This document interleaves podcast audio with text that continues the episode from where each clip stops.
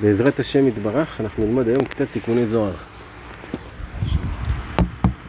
זה חודש אלול, ויש מנהג בעם ישראל בחודש אלול להרבות בספר תיקוני הזוהר.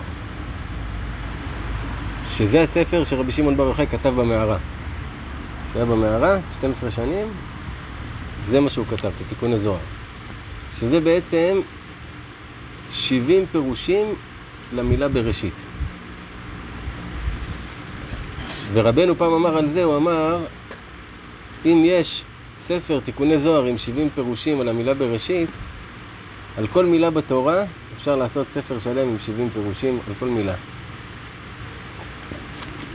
וזה ספר שהוא סודות עליונים, אנחנו לא מתיימרים להגיד שאנחנו מבינים פה משהו. אבל ככה לקבל מהאור שלו זה אור כזה ש... אתה קורא בזה ואתה מרגיש פשוט משהו קורה לך, נעים לך, אתה טס, אתה... משהו קורה. אז אנחנו בתיקון עשרין ושיט. כמה זה מיקי? כן, רגע אחד, רגע אחד. שהקדוש ברוך הוא יהיה איתנו. אז רבנו אומר על ספר הזוהר בכלליות, שהלשון של ספר הזוהר היא עושה חשק בנשמה. בעצם כשאתה קורא את הלשון שזה נכתב, זה עושה לך חשק בנשמה. זה נכתב בארמית, בארמית של הזוהר. יש ארמית של, של הגמרא, יש ארמית של הזוהר, יש ארמית של ספר דניאל. יש כאילו כל מיני שינויים קלים. אז תיקון 26. בראשית. כל אחד מהתיקונים מתחיל במילה בראשית. בית שושנה. חמש עלין דילה, ראשית. בראשית, בראשית לחושבן זעיר דחנוך, תלת עשר. חוכים דילה, תלת עשר תבין, מן אלוהים ועד אלוהים. ואילי נינון את השמיים ואת הארץ, והארץ הייתה תוהו ובוהו וחושך על פני תהום, ורוח אלוהים. חמש חוכים אחורנין, מרחפת על פני המים ויאמר. פירוש המילים בראשית בית שושנה שתי שושנים חמש עלין דילה ראשית. הבית היא השושנה האות בית היא השושנה והמילה ראשית חמש עלים ששייכים אליה. אל השושנה מדמיינים את זה? בראשית לחושבן, לחושבן זעיר דחנוך תלת עשר. זה אני מנסה רגע להבין את הגימטריה של זה, כי הוא אומר כאילו בראשית בחשבון קטן של חנוך יוצא 13. אני רגע מנסה להבין מה הכוונה פה, ברשותכם. אז 202, 203, 503, 513, 913. 913, 9 ועוד 1 ועוד 3, 13, יפה.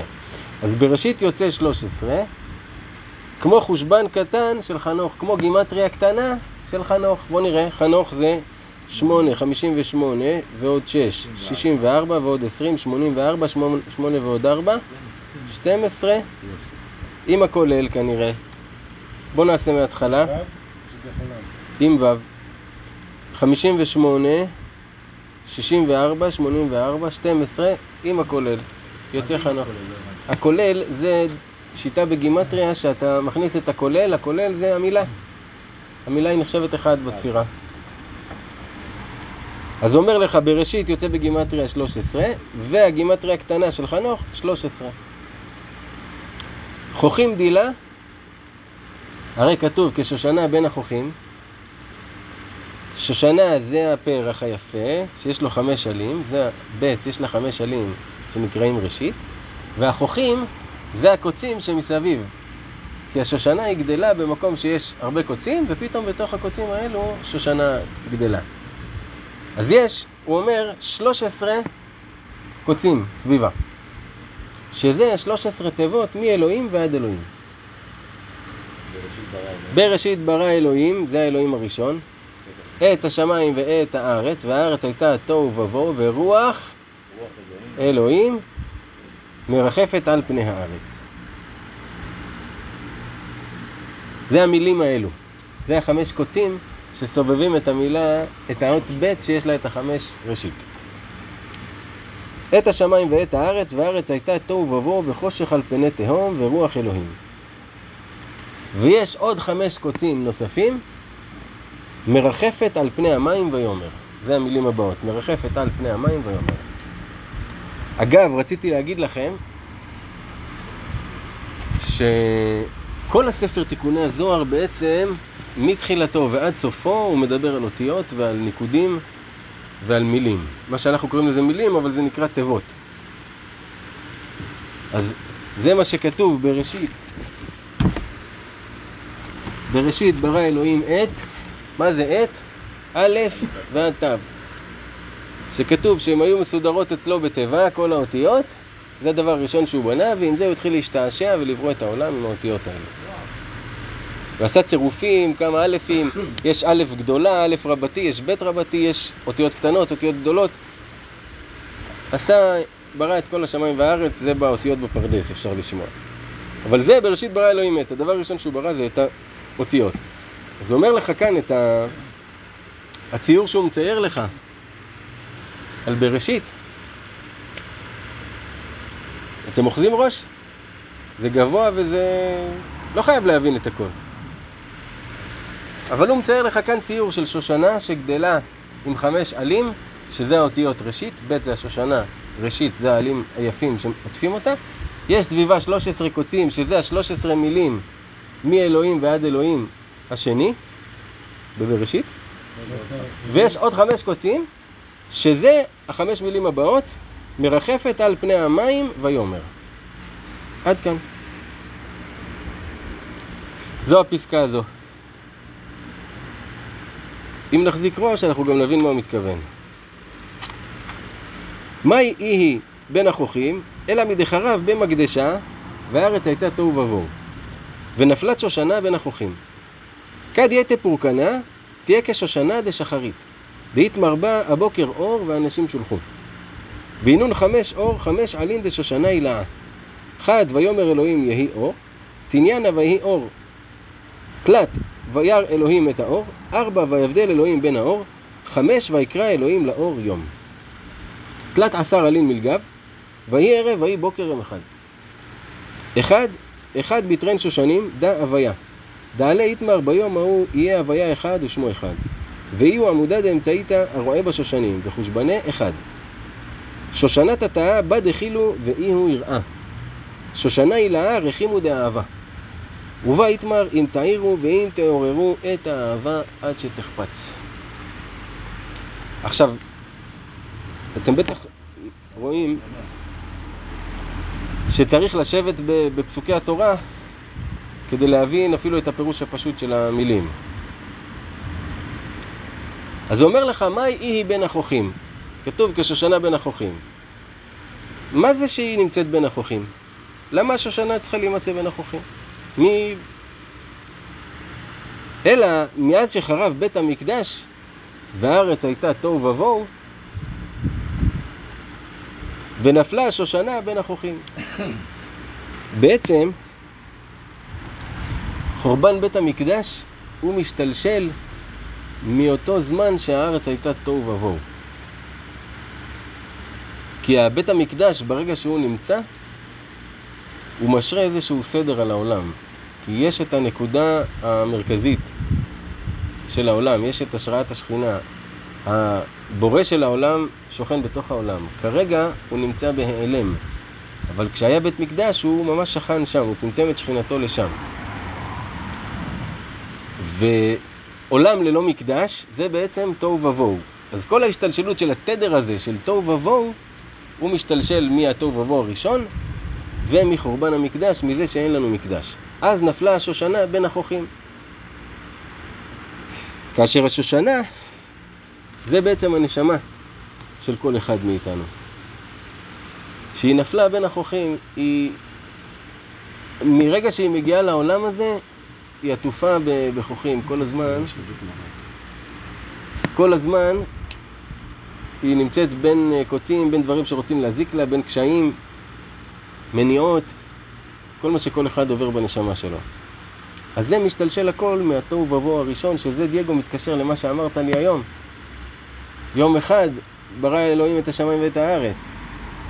אבל לפני בריאת השמיים והארץ היה תוהו ובוהו. שרבנו אומר שזה סוד. למה היה צריך לברוא את העולם קודם בתוהו ובוהו, ואז להתחיל לסדר את הדברים? מה, הקדוש ברוך הוא לא יכל ישר לסדר את הדברים? ישר ויהי אור, בלי שיהיה תוהו ובוהו לפני? הוא לא גילה מה התשובה לזה.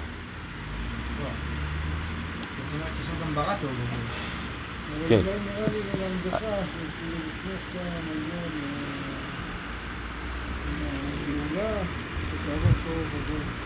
לא תיכנס. לא לגאולה, לפני שאתה מגיע לגאולה. לפני שאתה מת. לפני שאתה מת, אתה רואה ויהי אור. אבל רגע, בוא נמשיך. בוא נמשיך. כד ייתה פורקנה, תהא כשושנה דשחרית. כשיגיע זמן הפורקן שהקדוש ברוך הוא יפרוק אותנו ויבנה בית המקדש וישכון מחדש, אז היא תהיה כמו השושנה של שחרית, שעליה נאמר הבוקר אור ואנשים שולחו. על השושנה הזאת, כשהשושנה תפרח, כשהשכינה תהיה, עליה נאמר והבוקר אור. זה פסוק. ותראה איזה יופי מה הוא אומר כאן. ואז החמש עלים של השושנה הזאתי הם החמש פעמים אור, המילה אור שמוזכרת ב, במעשה בראשית. חד ויאמר אלוהים יהי אור, זה הראשון. השני, ויהי אור. השלישי, וירא אלוהים את האור. רביעי, ויבדל אלוהים בין האור. חמישי, ויקרא אלוהים לאור יום. חמש פעמים המילה אור מופיעה שם, והיא החמש עלים שמקיפים את השושנה כשהיא זוכה לגאולה. שלוש עשרה עלים נמצאים בפנים, בין המילים אור, ויהי ערב ויהי בוקר יום אחד. המילה אחד בטרן שושנים. יש אחד ואחד בשני שושנים, כי מה אמרנו? בית שושנים. לא, לא הבנתי עוד פעם. ויהי ערב ויהי בוקר יום אחד. אחד, אחד. פעמיים אחד. למה? בטרן שושנים. למה שני שנים? אפשר לומר ויהי ערב ויהי בוקר, יום אחד, שזה גם ערב וגם בוקר זה יום אחד. ואחד בגימטריה זה 13. זה 13 עלים שמקיפים שושנה אחת, והאחד השני זה ה-13 עלים שמקיפים את השושנה השנייה. וכמה זה פעמיים 13? 26 דה הוויה, שם הוויה. שעליו נאמר ביום ההוא יהיה אדוני אחד ושמו אחד. זאת אומרת שבזמן הזה שאתה זוכה שהשושנה שלך במקומה, אתה זוכה, ב- ביום ההוא יהיה אדוני אחד ושמו אחד. שזה מה שרבנו אומר בתורה ד', שה... המצב הזה שאדם יודע שכל מאורעותיו הם לטובתו, זאת הבחינה עם מעין עולם הבא. זאת הבחינה של ביום ההוא יהיה אדוני אחד ושמו אחד. כי היום הוא נכתב בשם הוויה, אבל אנחנו אומרים אדוני. אסור לקרוא את שם הוויה כמו שהוא כתוב. אבל ביום ההוא יהיה השם אחד ושמו אחד. יקראו לו גם בשמו בזמן הזה. למה קורא לזה לא שם, שם הזה? שם הרב. היום אסור לקרוא לו ככה. כן. אבל ביום ההוא יהיה השם אחד ושמו אחד. אז רבנו כותב שם שאדוני זה דין והוויה זה חסד. אנחנו את השם של החסד היום קוראים בדין, קוראים באדוני. אבל ביום ההוא יהיה השם אחד ושמו אחד, אז אנחנו נקרא הכל בחסד. מי שזוכה לדעת שכל מה שעובר עליו הכל לטובתו, זוכה שכבר עכשיו גם הדין אצלו הוא חסד. אה, זה, רבנו אומר שהדרך להגיע לזה זה על ידי וידוי דברים. להתחיל אה, לשבת לבד עם השם ולהתחיל לחזור אחורה על מעשים שעשית והתביישת בהם והדחקת אותם באיזה שהם פינות בתוך ה... איפשהו בגוף שלך הן נמצאות ואתה צריך להתחיל לחשוב עליהם, ולהתחיל להוציא אותם, ולהתוודות עליהם, ווואלה, הייתי לא בסדר, ווואלה, עשיתי מעשה כזה, לא מתאים. להוציא אותם בפה, זהו. ברגע שאתה מוציא אותם מהפה, רבנו אומר, הם יוצאים לך מעצמות. כי כל, כל משהו לא טוב ש, שהאדם עושה והוא משאיר אותו בתוכו, הוא חקוק לו על העצמות.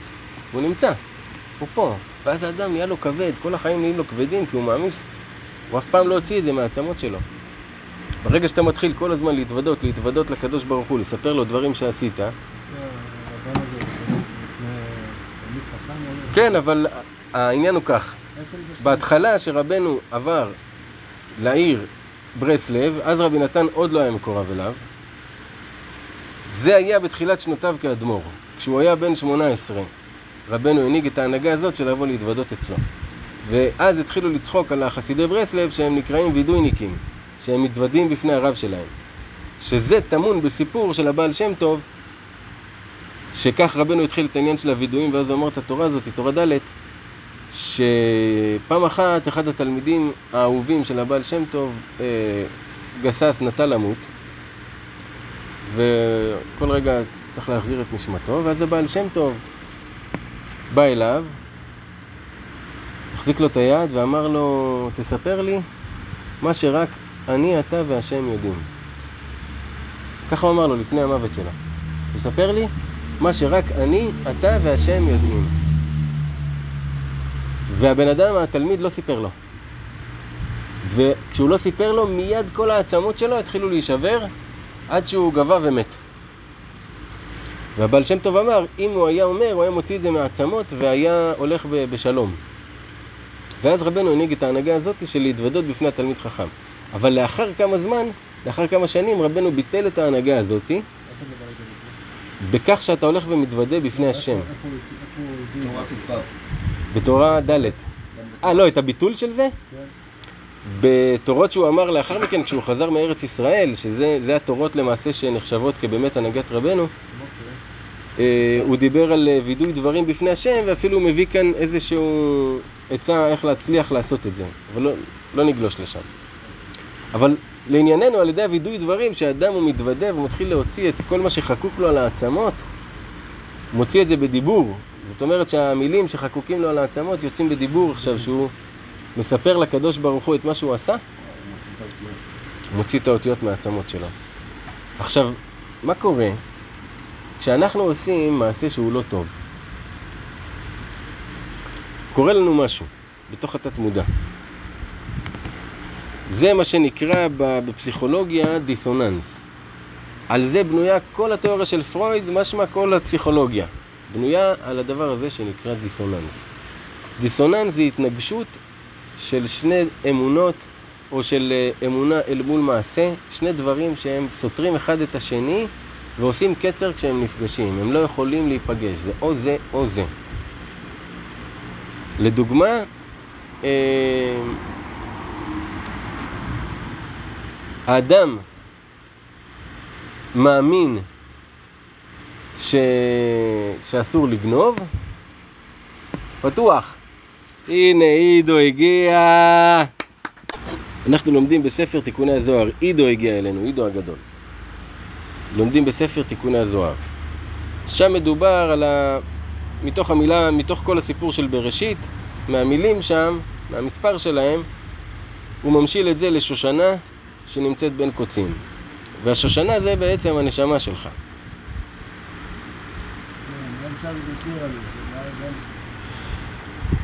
הנשמה זה שושנה.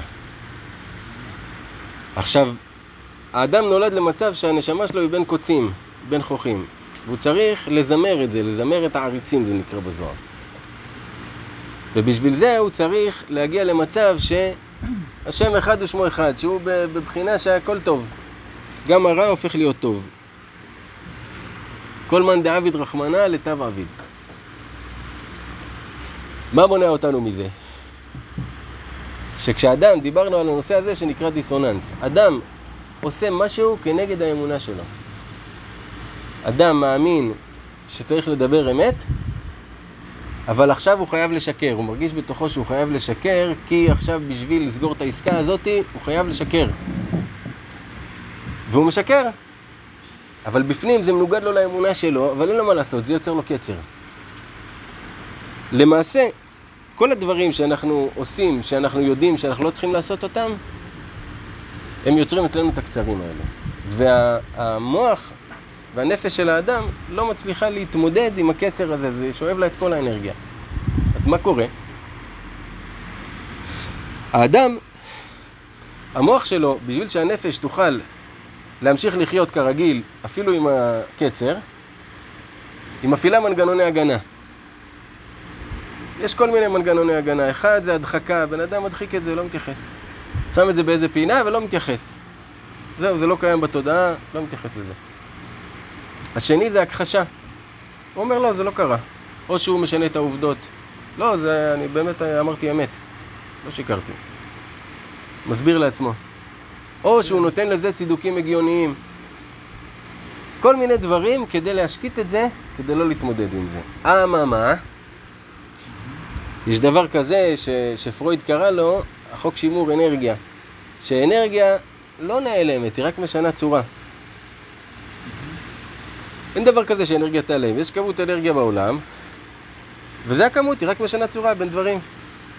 אז אם האנרגיה הזאת של הקצר הזה נמצאת בתוכך, היא לא נעלמת לשום מקום. היא רק יכולה לשנות צורה. ומה היא עושה? במצב החמור של זה, היא מביאה לבעיות רפואיות. כל, ה, כל הקצרים האלה, הם, הם גורמים לפעולה הופכית בתוך התאים של הבן אדם, ואז נוצר מה שנקרא גידול, כי יש הרבה פסולת. עכשיו, איפה הגידול הזה גודל אצל האדם? בנקודה הכי חלשה שלו, בנקודת התורפה שלו. לכל אדם יש איזשהו איבר בגוף שהוא הכי חלש. כן, שזה זה ככה, זה ה-DNA שלו.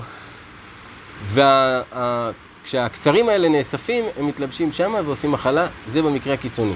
במקרים הפחות קיצוניים, זה פשוט נמצא על האדם כמשקל כבד. כל הדברים האלה, כל הקצרים האלה, כל הדברים שהוא עשה, שהוא ידע שהוא לא צריך לעשות, והוא הדחיק אותם, והעלים אותם, ולא התייחס אליהם, והצדיק אותם, הם נמצאים עליו, והם כבדים לו, ונהיה לו כבד החיים. נהיה לו כבד לקום בבוקר, נהיה לו כבד ללכת לעבודה, נהיה לו כבד לעשות זה, לא בא לו זה, לא בא לו זה. עד שבמקרה החמור זה יכול להגיע למראה שחורה. והפתרון לזה, זה לדבר את זה. אפילו אם קשה לך לדבר עם השם את זה, תפנה לחבר טוב. אתה בלב שלך אומר לקדוש ברוך הוא, וואלה, אני מספר את זה לך, כאילו, תענה לי דרכו. ואתה מדבר עם החבר שלך, אבל אתה בעצם מדבר עם השם. ואתה מתחיל להוציא את זה, אתה מבין? אתה מוציא את זה מהעצמות שלך, אתה מפנה את זה מעליך. ואז אתה מתחיל להיות קליל יותר, ואפילו מה שהיה נראה לך רע, פתאום אתה מבין איך הכל טוב. אתה לא הופך את הרע לטוב, אתה לא אומר שהמעשה הרע הוא טוב, לא. אבל אתה כן יכול להבין איך המעשה הרע הזה אה, הביא לתוצאה טובה. לדוגמה, סיפור ששמעתי היום מהרב פיינגר, השם ישמור אותו, על uh, חבר שלו. תשמע איזה סיפור. סיפור שמבאס אותך. חבר שלו מהישיבה וזה, אתה יודע, אחד שהיה שובב כזה וקשה לו ללמוד, והוא רוצה להישאר בדת, אבל הוא לא מצליח, נהיה מתווך. אה, קשיים, עניינים, פה, שם, אתה יודע, מתקשר אליו יום אחד איזה מישהו מארצות הברית, אומר לו, תשמע, יש לי וילה בכך וכך, אני רוצה שתמכור אותה. אומר לו, אוקיי, כמה היא שווה? שלוש מיליון. כמה אתה רוצה עליה? שתיים שמונה. אומר לו, אבל אתה חייב תוך יומיים למכור אותה, אני חייב ביומיים למכור אותה. הוא אומר, איך יומיים, איך זה? אומר לו, בסוף העניינים אומר לו, טוב, תביא לי שתיים ביומיים, וסבבה. שתי מיליון, אבל אני חייב למכור אותה תוך יומיים. הוא התלהב מהרעיון, וזה התחיל לרוץ לו מלא עניינים, מלא קומבינות, מלא זה, מלא פה. אמר, מה, תשמע, אולי אני אקנה אותה בשתיים, ויש לי זמן למכור אותה בשלוש, אבל אני צריך להשיג את הכסף. פנה לאיזה חבר שלו שהתחיל להיות עורך דין, ומחפש עסקאות, מחפש זה וזה. סיפר לו, על הרעיון, אומר לו, תשמע, אתה יכול לתפור לי את העסקה ב, ביומיים? העורך דין אומר, תשמע, אני צריך לטוס אליו וזה. קיצור, טס אליו. ההוא מתקשר, זה לא עונה לו, לא עונה לו, לא עונה לו, לא עונה לו. אחרי יומיים, הוא מתקשר אליו, הוא מארצות הברית, אומר לו, תשמע אחי, וואלה, קניתי את הבית. מה? הוא אומר לו, מה? אבל זו תוכנית שלי, אני רציתי לי לעשות את זה, שלחתי אותך בשביל זה. הוא אומר לו, קח אותי לבית משפט, לא מעניין אותי, ניפגש בבית משפט, אני קניתי את הבית. תעשה מה שאתה רוצה. קטע כזה הביא לו. עכשיו ההוא כולו מבואס על החיים, יענו, אומר, תשמע, תראה לאן הגענו, חברים, עושים קטעים כאלה, ומה... ו... כבר כאילו הוא מבואס כבר על הכל. על השם ועל כל העניינים ועל הכל. וככה הולך מבואס, כאילו, אתה יודע, כבר התבאס על השם, כבר התבאס על, על כל החיים. יום אחד, חבר שלו בא אליו, והוא מספר לו ככה את הסיפור, והתבכיין וזה, הוא אומר לו, תשמע, אתה שכחת דבר אחד. שכחת שהשם עשה את כל זה. אם הבית הזה היה שלך, אתה היית קונה אותו. זה הפרט היחיד ששכחת.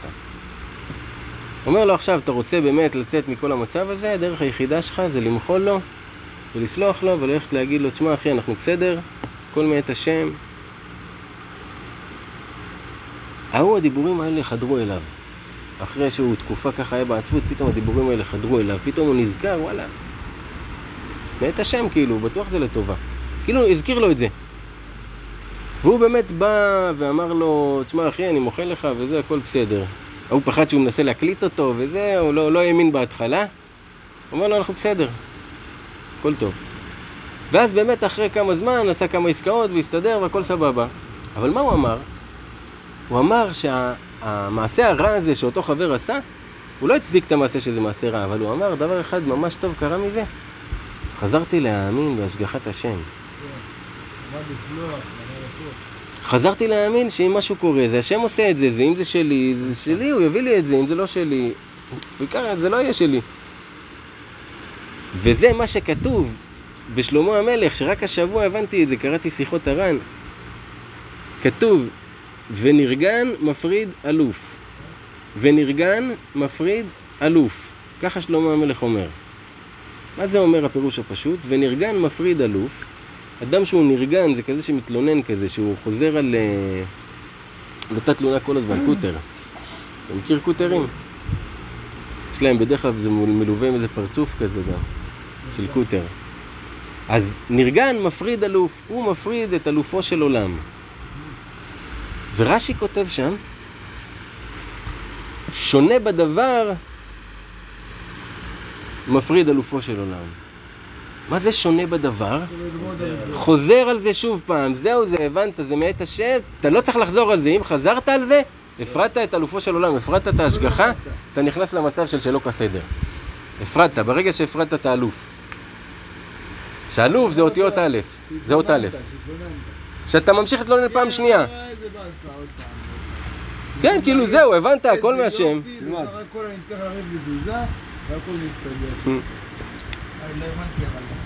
לא יודע אם זה קשור למזוזה. אני אסביר לך, מאיר. לא, לא. אתה מכיר אנשים שהם מקטרים על דברים? שנגיד עכשיו הוא, לא יודע מה, הפסיד אה, כרטיס לסרט, בגלל שהוא איחר, לא הכניסו אותו, הפסיד כרטיס לסרט, והוא מבואס על ה-40 שקל. ואז הוא חוזר הביתה ועוד הפעם מדבר עם חבר שלו, תשמע, תראה איזה קטע עשו לי וזה באסה על 40 שקל וזה. ואז אחרי כמה זמן למחרת הוא קם וחושב על 40 שקל שלו, שלחו לו. אתה מבין? הוא חושב על זה עוד הפעם וממשיך להתבאס על זה. זה נקרא נרגן מפריד עלוב. הוא שונה בדבר, הוא ממשיך לחשוב על זה. ברגע שאתה מבין, הקדוש ברוך הוא עשה את זה, הוא מנהיג את העולם, זה העולם שלו, הוא יודע מה הוא עושה והוא משגיח עליי. בדוק זה לטובה. לא יודע אם אני עכשיו יבין או לא יבין, אבל בדוק זה לטובה. זהו, אל תמשיך לחשוב על זה. ועוד יתרה מזאת אני אגיד לכם. עכשיו אנחנו בחודש אלול, חודש הרחמים והסליחות. שאנחנו אומרים הרבה סליחות והרבה וידויים והרבה עניינים. חכמינו הקדושים, תראה מה כתוב, וזה אפילו כתוב בשולחן ערוך. אדם שהתוודה על דבר וחוזר ומתוודה עליו, הוא ככלב השב על קיאו. אם, אם אתה כבר התוודית על משהו,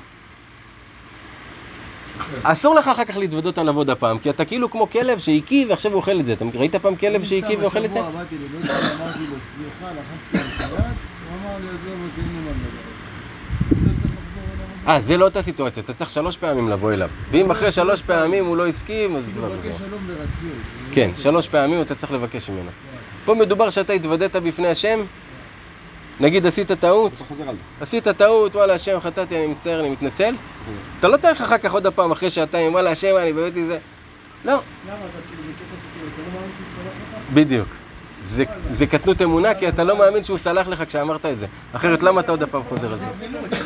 זה לא תמימות, זה שונה בדבר. אבל גם תבוא בתמימות, אומרים, לא? תבוא כן. אבל זה, למה זה תמימות? כי אתה לא מאמין שהוא סלח לך. אם- הוא סלח לך. אה, ביקשת סליחה, אז אה, סלח. אל רחום וחנון אמר בלסלוח, לא? מה מה לא הבנת, כאילו? כן. לא זה, לי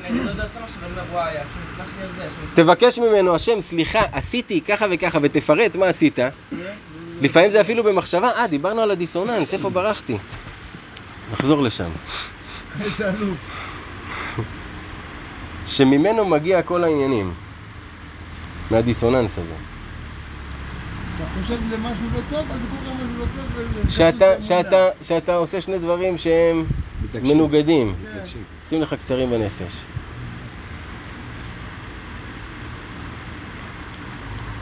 אז מה, מההתחלה מה היה לנו כאן? בראשית התחלת, אבל מה? כן. איך זה קשור לבראשית? זה כי הבראשית זה השושנה, הבית היא השושנה. כן. הבית היא השושנה. עכשיו, מה זה השושנה? יש שיר קדוש ממש של שי בן צור, שהפזמון שלו זה שושן ליבי נפתח. שושן ליבי נפתח. שושן זה כל דבר שהוא נפתח כמו שושנה. מדמים את זה לכל מיני דברים. אבל כל דבר שהוא נפתח כמו שושנה והוא נהיה יפה, כאילו הוא פורח, זה שושן. אז שושן ליבי, גם ללב שלנו יש שושנה שיכולה להיפתח, שהלב נפתח והוא כמו פרח יפה שפורח, והחוכים שמסביבו הם כבר לא חוכים כי הם אור, כמו שהוא אמר כאן. החמש פעמים של, של המילה אור. הכל, הכל מואר שם בתוך הלב שלו, שנה בין החוקים. כשושנה בין החוכים. אוקיי. שושנה התחתונה, אמרנו יש שתי שושנים. השושנה התחתונה, בה דחילו ואי הוא יראה. בה יש פחד שהוא יראה. זה השושנה התחתונה. שושנה הילאה, רחימו דאהבה. בשושנה העליונה יש רחימו דאהבה. מה זה רחימו? המילה אהבה בארמית היא נקראת רחימו. הרחמן, כשאנחנו אומרים הרחמן הוא יברך את השולחן הזה, הרחמן זה, האוהב. דחילו זה יראה, רחימו זה אהבה בארמית. וואלה. כן. כשאתה מרחם על מישהו, אתה מביע כלפיו אהבה. עכשיו, אם אתה לוקח את האותיות של השורש של המילה רחימו או רחמים, זה רש, ח', מ', זה רחם.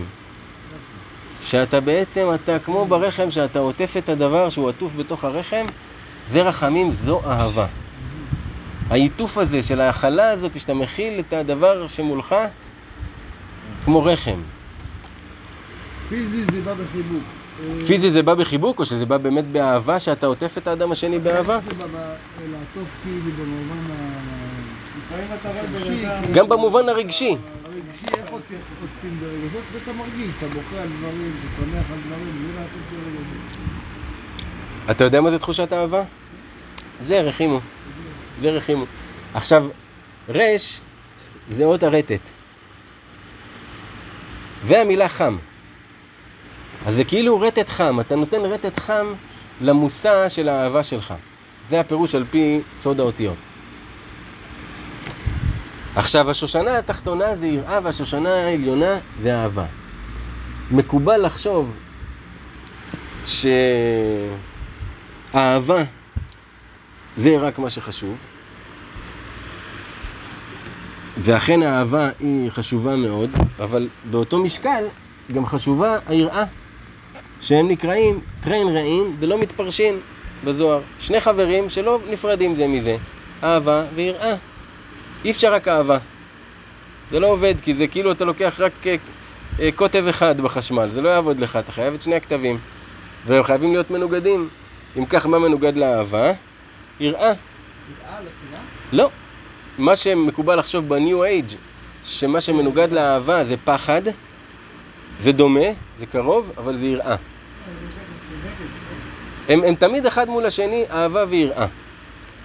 עכשיו, רבנו אומר שאהבה זה הזכר, ויראה זה הנקבה. וצריך להקדים את היראה לאהבה, מכיוון שדרכו של גבר לחזר אחר אישה. אז צריך שקודם תהיה יראה, ואז האהבה תחזר אחריה. זה הסוד לה- לאהבה. כבוד. יראה זה יראת כבוד כזאת. ולא רק זה, אני אגיד לכם גם עוד. יונתן, מחילות. אפילו, אפילו איזה פנטוקי גם יעזור. זה פנטוק? אה, אני חושב שהדרך להסביר יראה זה האופן שאנחנו מתייחסים לאבא. שאתה לא תעשה דברים מסוימים לידו מתוך מקום של כבוד, אבל כבוד. שאתה אפילו קצת מפחד מהתגובה שלו, אבל לא באמת מפחד מהתגובה שלו, כי אתה פתוח איתו כבר, אתה מבוגר כבר, אבל אתה עדיין, יש לך יראה לאבא. כאילו זה הדרך הכי איך אני אספר לו ש... מה זה יראה. לעומת אימא, אימא זה אהבה. עכשיו תראה מה הוא אומר. שצריך להקדים, נדב, צריך להקדים את היראה לאהבה. עכשיו, בואו, יצא לי לחשוב בשבועיים האחרונים שדיברנו על מידת היראה, להעלות אותה לשורשה, על מה זה מידת היראה, כמו שמאיר שאל. והקדוש ברוך הוא הראה לי ככה ניצוצות, ש... כשאתה אוהב משהו, נניח אתה אוהב לעשן, ואמרת לעצמך, הבוקר אני לא אעשן, אני אעשן רק בערב את הסיגריה הראשונה שלי. במשך היום אתה מרגיש איזשהו צורך לסיגריה. הצורך הזה מתבטא בתוך הלב שלך כאילו אתה אוהב את הסיגריה, אתה עכשיו מתגעגע למשהו, אתה רוצה משהו. אם אתה רגע אחד תקלף את זה מהלבוש של זה, אל ההרגשה עצמה, מה שאתה מרגיש בתוך הלב זה אהבה. יש לך אהבה. הציור שלה כרגע זה אהבה לסיגריה, אבל אם אתה תזקק את זה, מידת האהבה פועלת לך בלב, ובעצם זה את האלוהות שנמצאת בתוך הדבר הזה אתה אוהב. לפי שאמרת סיגריה. כי זה, כי זה קרה לי עם סיגריה, ככה הבנתי את זה, עם אהבה לסיגריה. שם הוא לא נמצא, סיגריה, הוא לא... סוגר את עצמו. ואז הבנתי שמידת האהבה היא בעצם כשיש לך משהו שאתה חושק בו, אתה, זה מידת האהבה מתעוררת. והאהבה הזאת, כש, כשאתה מוריד לה את הלבושים, היא אהבה בעצם אל התחושה האלוהית שאתה חווה מהדבר הזה. אותו, דבר, אותו דבר עם יראה. אותו דבר עם יראה. כשאתה מפחד ממשהו, אם אתה רגע תזקק את זה, ממה אני מפחד עכשיו? זה אפילו ביום-יום שלך, אתה מפחד שלא תספיק להגיע בזמן לפגישה. רגע, ממה אני מפחד עכשיו? מאיזושהי הרגשה שתהיה לי כשאני אאחר לפגישה ואני ארגיש לא נעים שם. מזה אני מפחד כרגע. אם אתה תוריד את הלבוש הזה, אתה מפחד מהאלוהות שנמצאת שם, שהיא גם הרגשה. אתה מפחד מהרגשות, ואתה אוהב הרגשות. אז ההעלאה שלהם לשורשם זה להוריד את הקליפה של, ה... של הציור שעומד אל מול עיניך ולהבין שאתה עכשיו אוהב את האלוהות שבתוך הדבר, או ירא מתוך האלוהות שבדבר, שיראה זה כל הפחדים האלה שדיברנו עליהם, אפילו הקטנים, שאתה מפחד לאחר לעבודה, שאתה מפחד שלא יהיה לקוחות היום, אבל זה נחשב לקליפה? זה לא נחשב לקליפה, זה מידת היראה שמלובשת בתוך משהו. תוריד לה את הלבושים, נשארת מידת יראה שאתה ירא מהרגשה מסוימת. אבל הרגע הזה של היראה זה זה קליפה שבאה אליי ואני צריך להגיד למה... לא, זה לא קליפה. היא קיימת, כמו שהאהבה קיימת, גם יראה קיימת, שתיהן קיימות. זה הזכרי והנקבי. הולך לפגישה, ועכשיו אני מייצר לעצמי במים, והנה אני מתחיל, אני הולך לפגישה, ועכשיו בגלל שאני מאחר, אז יסתכלו עליי ככה וככה. אז אני כבר מזמן לעצמי איזה מצב. גם, גם.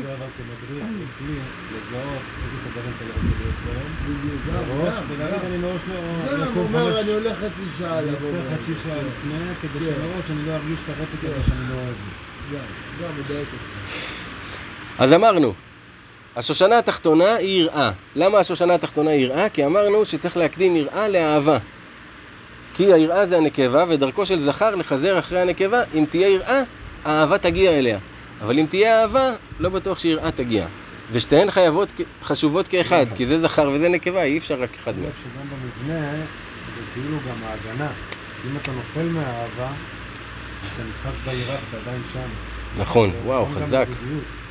שאם חזק אין מאוד. איזשהו חשש מסוים כלפי הניתוק, האובדן של ה- של הדבר הזה, של מישהו לצדך, אז כאילו, אוקיי, אני לא מרגיש כבר בזה, אז אתה כאילו יכול לנפץ את זה, ואז כאילו אתה נדפק במקום של היראה, של החשש לאבד את זה. נכון, בגלל זה חשובה גם. אז אהבה מנצחת. ותראה מה הוא אומר כאן. אז אמרנו שושנה תחתונה יראה, שושנה עליונה אהבה. ועל השושנה של האהבה נאמר, אם תעירו ואם תעוררו את האהבה עד שתחפץ. מה זה אומר תעירו, אם תעירו ואם תעוררו את האהבה עד שתחפץ? ששלמה המלך שם אומר, אם תעירו, את האהבה. להעיר זה כשאדם ישן, להעיר אותו. כן, כן. ואם תעוררו, זה כשכבר האדם ער, להעיר אותו עוד יותר, להדליק אותו על משהו, זה לעורר. שוב, רש, אתה שם לו רטט, אתה מוסיף לו רטט על מה שהוא. על ערנות, אתה מוסיף עוד רטט בסוד האותיות. עוד רש הוספת. לעורר אותו זה להרטיט אותו. אז אם תעירו, ישנה עכשיו מידת האהבה אצלכם. להעיר אותה, רגע, יש פה משהו לאהוב, יש פה אלוהים לאהוב. שהוא שורש האהבות כולם, הוא כל התחושות של כל האהבות, אתה יכול להרגיש באהבתך אליו, באהבתה תשגה תמיד. כשאתה מעורר, אתה מאיר את האהבה, רגע, יש פה מישהו לאהוב. זה בדיוק בעל תשובה, אחי. רגע, אחי, רגע, רגע. ואז כל הזמן מחזק את עצמך. כשאתה מאיר את מידת האהבה שלך, ואחרי שהארת אותה, אתה צריך לעורר אותה עד שתחפץ. עד שהיא תתחיל לרצות מצד עצמה. אתה צריך להעיר ולעורר את האהבה שלך עד שהיא תחפץ, שמתוך תוכה היא כבר תרצה. להדליק אותה אהבה. עד שהיא תרצה. זה לכולם, לבני אדם או להשם? לאהבה בלב, לתחושת האהבה בלב. למקום החם הזה. להכל. להכל. זה אגב המשפט התרגום ישיר של till you make it, שפשוט אתה לפעמים יכול לדפוק חיוך בכוח ולעורר את האהבה עד שתחפץ. כן. שמח. בדיוק. כן, כן. ובבחינה העמוקה של זה, כשאתה עכשיו יושב לבד עם השם, אתה יכול לחוש תחושות עילאיות. הרי תדמיין, כיף לנו ויש לנו תחושת הנאה מסקס. כיף לנו ויש לנו תחושת הנאה מאוכל. כיף לנו ויש לנו תחושת הנאה מנופים. כיף לנו ויש לנו תחושת הנאה מנגינה. וכן הלאה וכן הלאה, יש המון דברים שכיף לנו ואנחנו מתענגים שם. התענוג שנמצא שם הוא האהבה שאנחנו חווים מהדבר הזה. תחשוב שאלוהים בכבודו ובעצמו, הוא כולל את כל האהבות, כולן. את כל האהבות כולן הוא כולל, ואתה יכול לחוש אותן ברגע אחד, את כל האהבות. כאילו שאומרים לך שיש סם שעושה לך את כל התחושות הטובות מכל הדברים שיש בעולם. זה ההרגשה שאתה יכול להרגיש ברגע של זיווג עם השם. Hmm? בי, אין בי... זה פיור פיור פיור MD. ואיך עושים את זה? זו תחושה שהולכת להיכנס לעולם. אני אגיד לך איך עושים את זה, אם אתה רוצה עכשיו לחוות את זה. אתה הולך למקום שאין אף בן אדם, בטבע. אתה יושב עם עצמך ואתה נושם ואתה עוצם את העיניים. מתחיל לנשום, לנשום, לנשום, לפנות,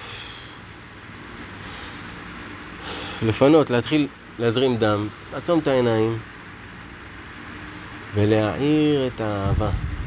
קודם כל להעיר אותה. רגע, יש פה... יש פה תחושה שאני יכול לחוות שכוללת את כל התחושות הטובות והנעימות שיש בעולם. תתעוררי, תתעוררי, נשמה. איך אתה מעיר? אתה אומר לעצמך ככה? כן, כן, כן, אתה אומר לעצמך, אתה מדליק את עצמך, תתעוררי, תתעוררי, צא מהמקום הנוח. תתעוררי. קומי אורי כי בא אורך וכבוד השם עלייך זרח. קומי, תתעוררי. תראי איפה את נמצאת. נדב. תראי איפה את נמצאת, נשמה יפה שלי. ופתאום אתה מתחיל להרגיש עוררות. את הדבר הזה תתחיל להדליק. כן, ומי זה, מי זה פה? כל התחושות של האהבה, ואתה מדמיין לעצמך רגע עם, עם אישה שאתה אוהב, ואתה חווה את התענוג, ורגע אחד מוריד את הלבוש, ונזכר בתענוג הפנימי שהיה לך בתוך תחושת האהבה שחווית באותו רגע. שאתה רואה את, את הבת שלך ואתה מרגיש איזה נעימות כזאת בתוך הלב, שאתה מסתכל עליה. אתה רגע אחד מוריד את הלבוש של הבת שלך ואתה מתמקד רק בתענוג, ואתה אוסף את כל התענוגים לתוך הלב, לתוך זה, אתה חושב על זה, חושב על זה. פתאום אתה מתחיל להרגיש שהלב שלך מתרחב, ו- והאהבה מתחילה כלהבה. ואז היא מתחילה עד שתחפץ. היא כבר מחפשת מי זה, מי זה.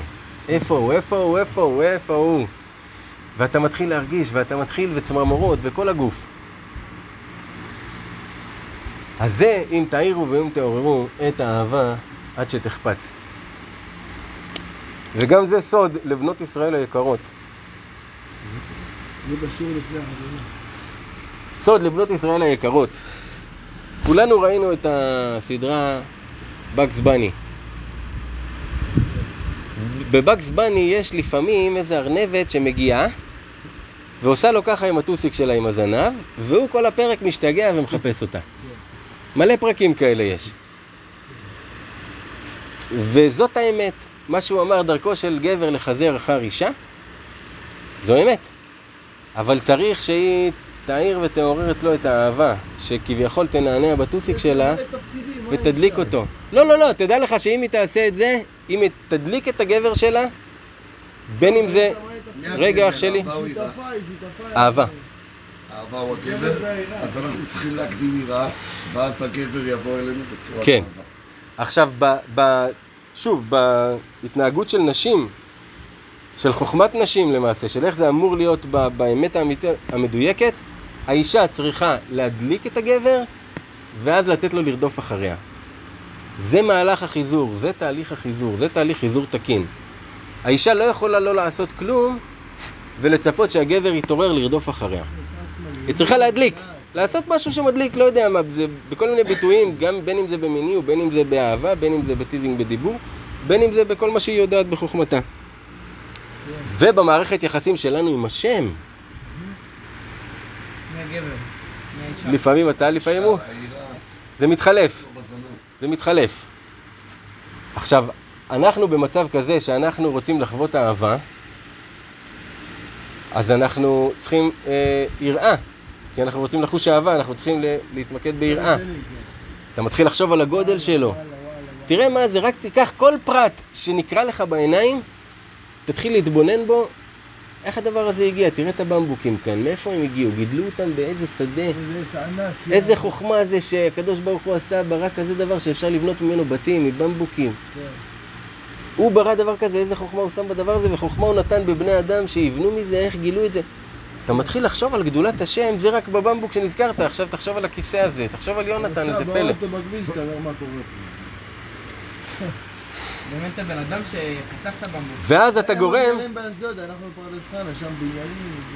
כן. ואז מה אתה עושה? אתה מעורר, מעורר אצלך שהאהבה תתחיל לרדוף. ואיך זה בא לידי ביטוי בחיים שלנו?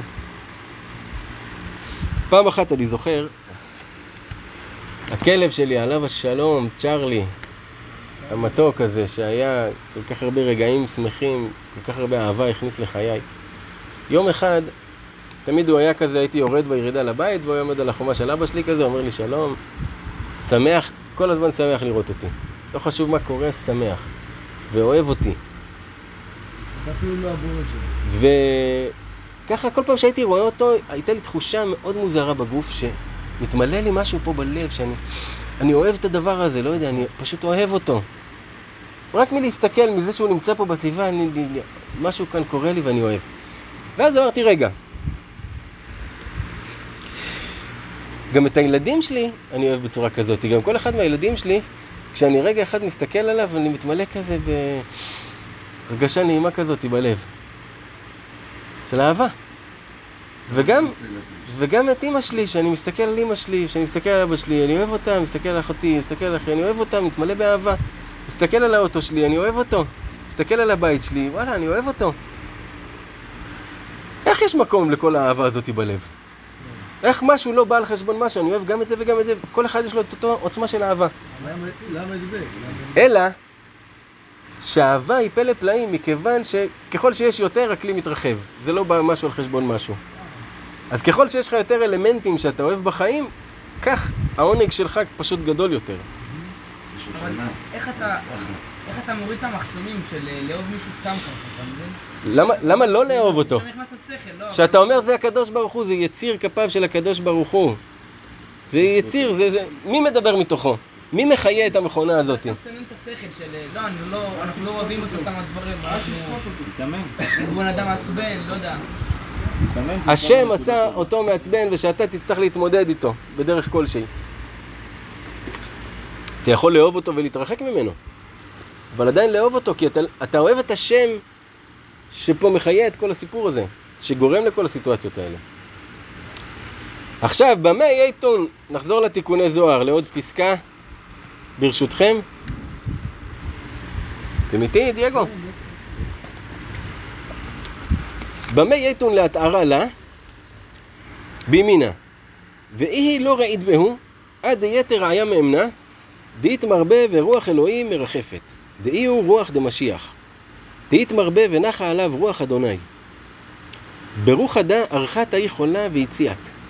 ובגין דה השבעתי אתכם בנות ירושלים בצבאות או בעילות השדה אם תעירו ואם תעוררו את האהבה שתחפץ. ואי הוא ערך ריח בטרן תפוחין והתמרבה בהו וריח הפך כתפוחים.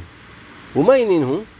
תרי סמכי קשות וינון, תרי רימונים, אגוז דה צדיק, גינת אגוז דה שכינתה. ודא אי דאמר שלמה, אל גינת אגוז ירדתי. במה יבואו להעיר אותה? את מי? את האהבה.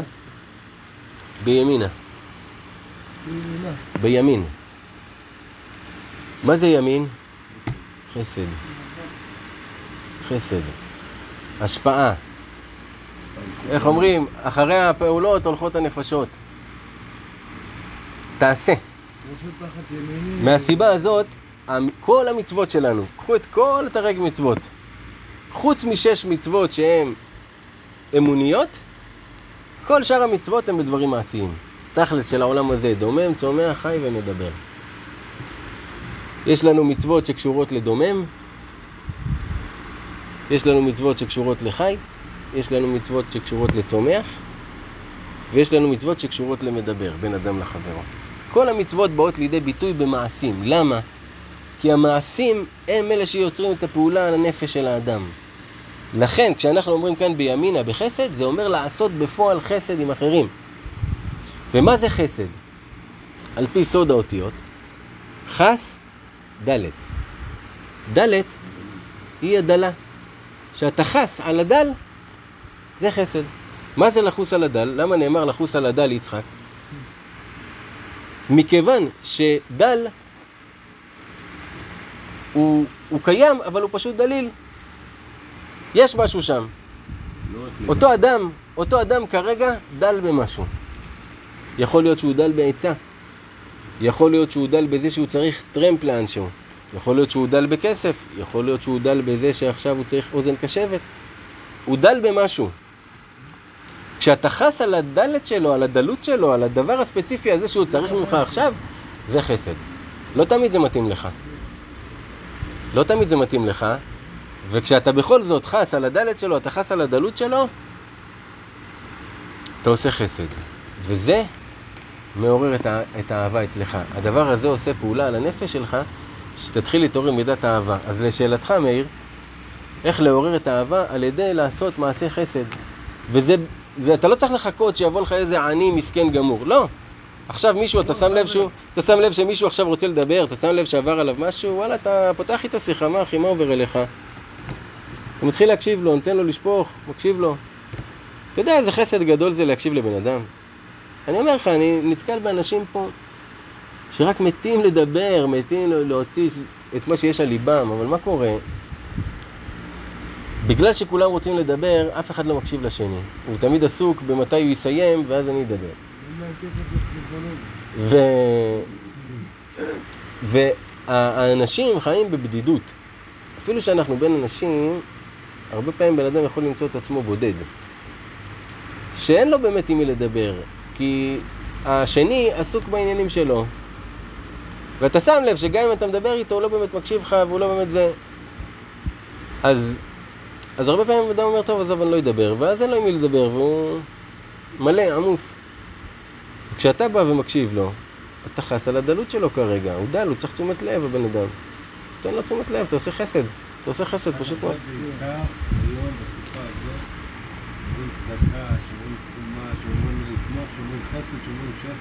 היום, זה אני מתבטא בעיקר בזה. בעיקר בזה, אני מסכים איתך. שפע מהכל. הגזמה של שפע, רק אין לי לדבר. כן, כן, פשוט לתת אוזן קשבת. יש להם הראש, יש להם הראש קונטרס שנקרא אוזן קשבת, שכל הקונטרס מדבר רק על זה, של... להורים אפילו, לפעמים תתקשר להורים, סתם לשמוע אותם, מה, מה, מה זה, מה זה, את התלונות שלהם על משהו. בקיצור, אז במה מעוררים את האהבה? במעשים בפועל של חסד, שבאים לידי ביטוי בכל דבר. אתה יכול לבחור. למעשה, כל סיטואציה שאנחנו מתמודדים איתה, היא תמיד, אתה יכול לבחור או בחסד או בדין.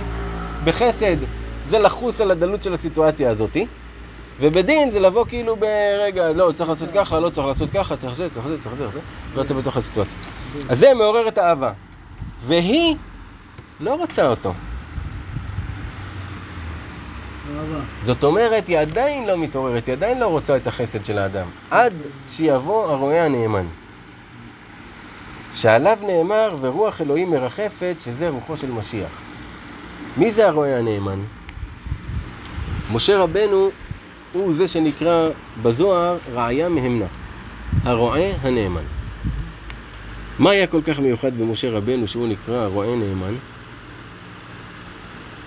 שהוא התייחס אל עם ישראל ברחמנות כזו, שהוא פשוט ריחם על כל אחד ברמה הגבוהה ביותר של זה, הוא פשוט הצליח לראות כל אחד, לראות את הטוב שלו ולראות את ה... מאיפה בא לו המעשה הזה ואיך זה, זה גרם לו ל... למה- לעשות מעשה כזה.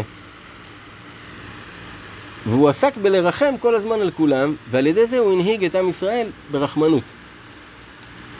המשמעות של זה שיש לך רועה, שיש לך מישהו שמנהיג אותך, זה, זה, זה גאולה, זה שחרור, אתה משתחרר מהעול הזה של אה, להחליט מה לעשות פה. כשיש לך רועה, הוא לוקח אותך. זה הרועה הנאמן, אתה סומך עליו. משה רבנו, אתה יודע שהוא רוצה את הכי טוב בשבילך. אז אתה סומך עליו, אבל אין לנו אותו. רבנו אומר, וכולנו אין פנינו יפות כלל. הרועה הנאמן לא נמצא כאן. בדיוק, זה מה שמביא אותו. יש לנו הרבה השני. בגלל זה אנחנו עדיין כאן.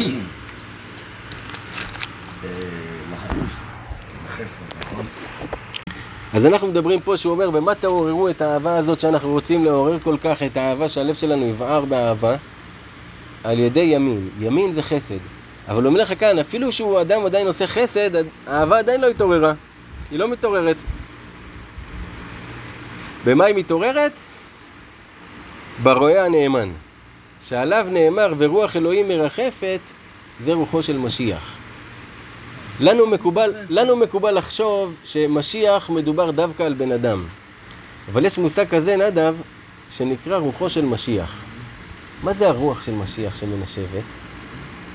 זה הרוח של הרחמים שמנקה את הכל.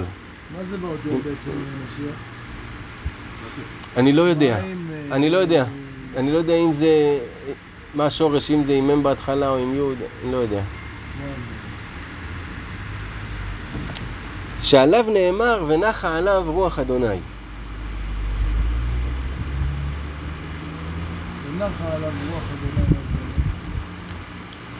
איך אני אתאר לכם ונחה עליו רוח אדוני? זה. שאדם נחה עליו רוח ממרום והוא עושה פתאום פעולות שזה לא הוא עושה, יש פה רוח אלוהית שעושה את הדבר הזה כרגע. זה ונחה עליו רוח אלוהים. שהאדם, שהאדם לא הצליח לעורר את החסד, את, ה, את, ה, את האהבה, אפילו שהוא עושה חסד, האהבה שלו תתעורר כשהוא יצרף לזה את הרוח של משיח. מה זה הרוח של משיח? משיח מלשון מסיח, שאתה תצרף לזה את השיחה עם השם. ויצא יצחק לצוח בשדה, שאתה תצא לשדה לדבר עם השם. רוח של משיח תתחיל לרחף עליך, ויהיה לך ריח נעים מסביבך. והוא אומר לו, תראה, תראה, תראה, תראה, ב- ברוחדה ארכה תהי חולה והציעת. ברוח הזו מריחה אותה חולה ומתרפאת. זה פירוש המילים. שהרבנו כותב בסיפורי מעשיות שלו,